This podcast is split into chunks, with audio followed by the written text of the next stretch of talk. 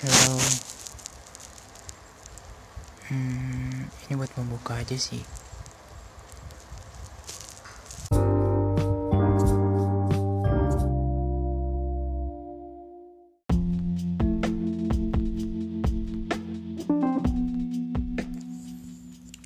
Hal terburuk dari menjadi orang dewasa adalah lu makin susah buat bisa have fun sama orang yang biasanya nggak pernah lepas dari lu. Dia ada kesibukan sendiri dan waktu kosong lu nggak pernah ketemu sama waktu kosong dia. Pada akhirnya dia juga bakal dapetin teman baru dan kamu slowly but surely diganti posisinya sebagai boyfriend or that kind bullshit.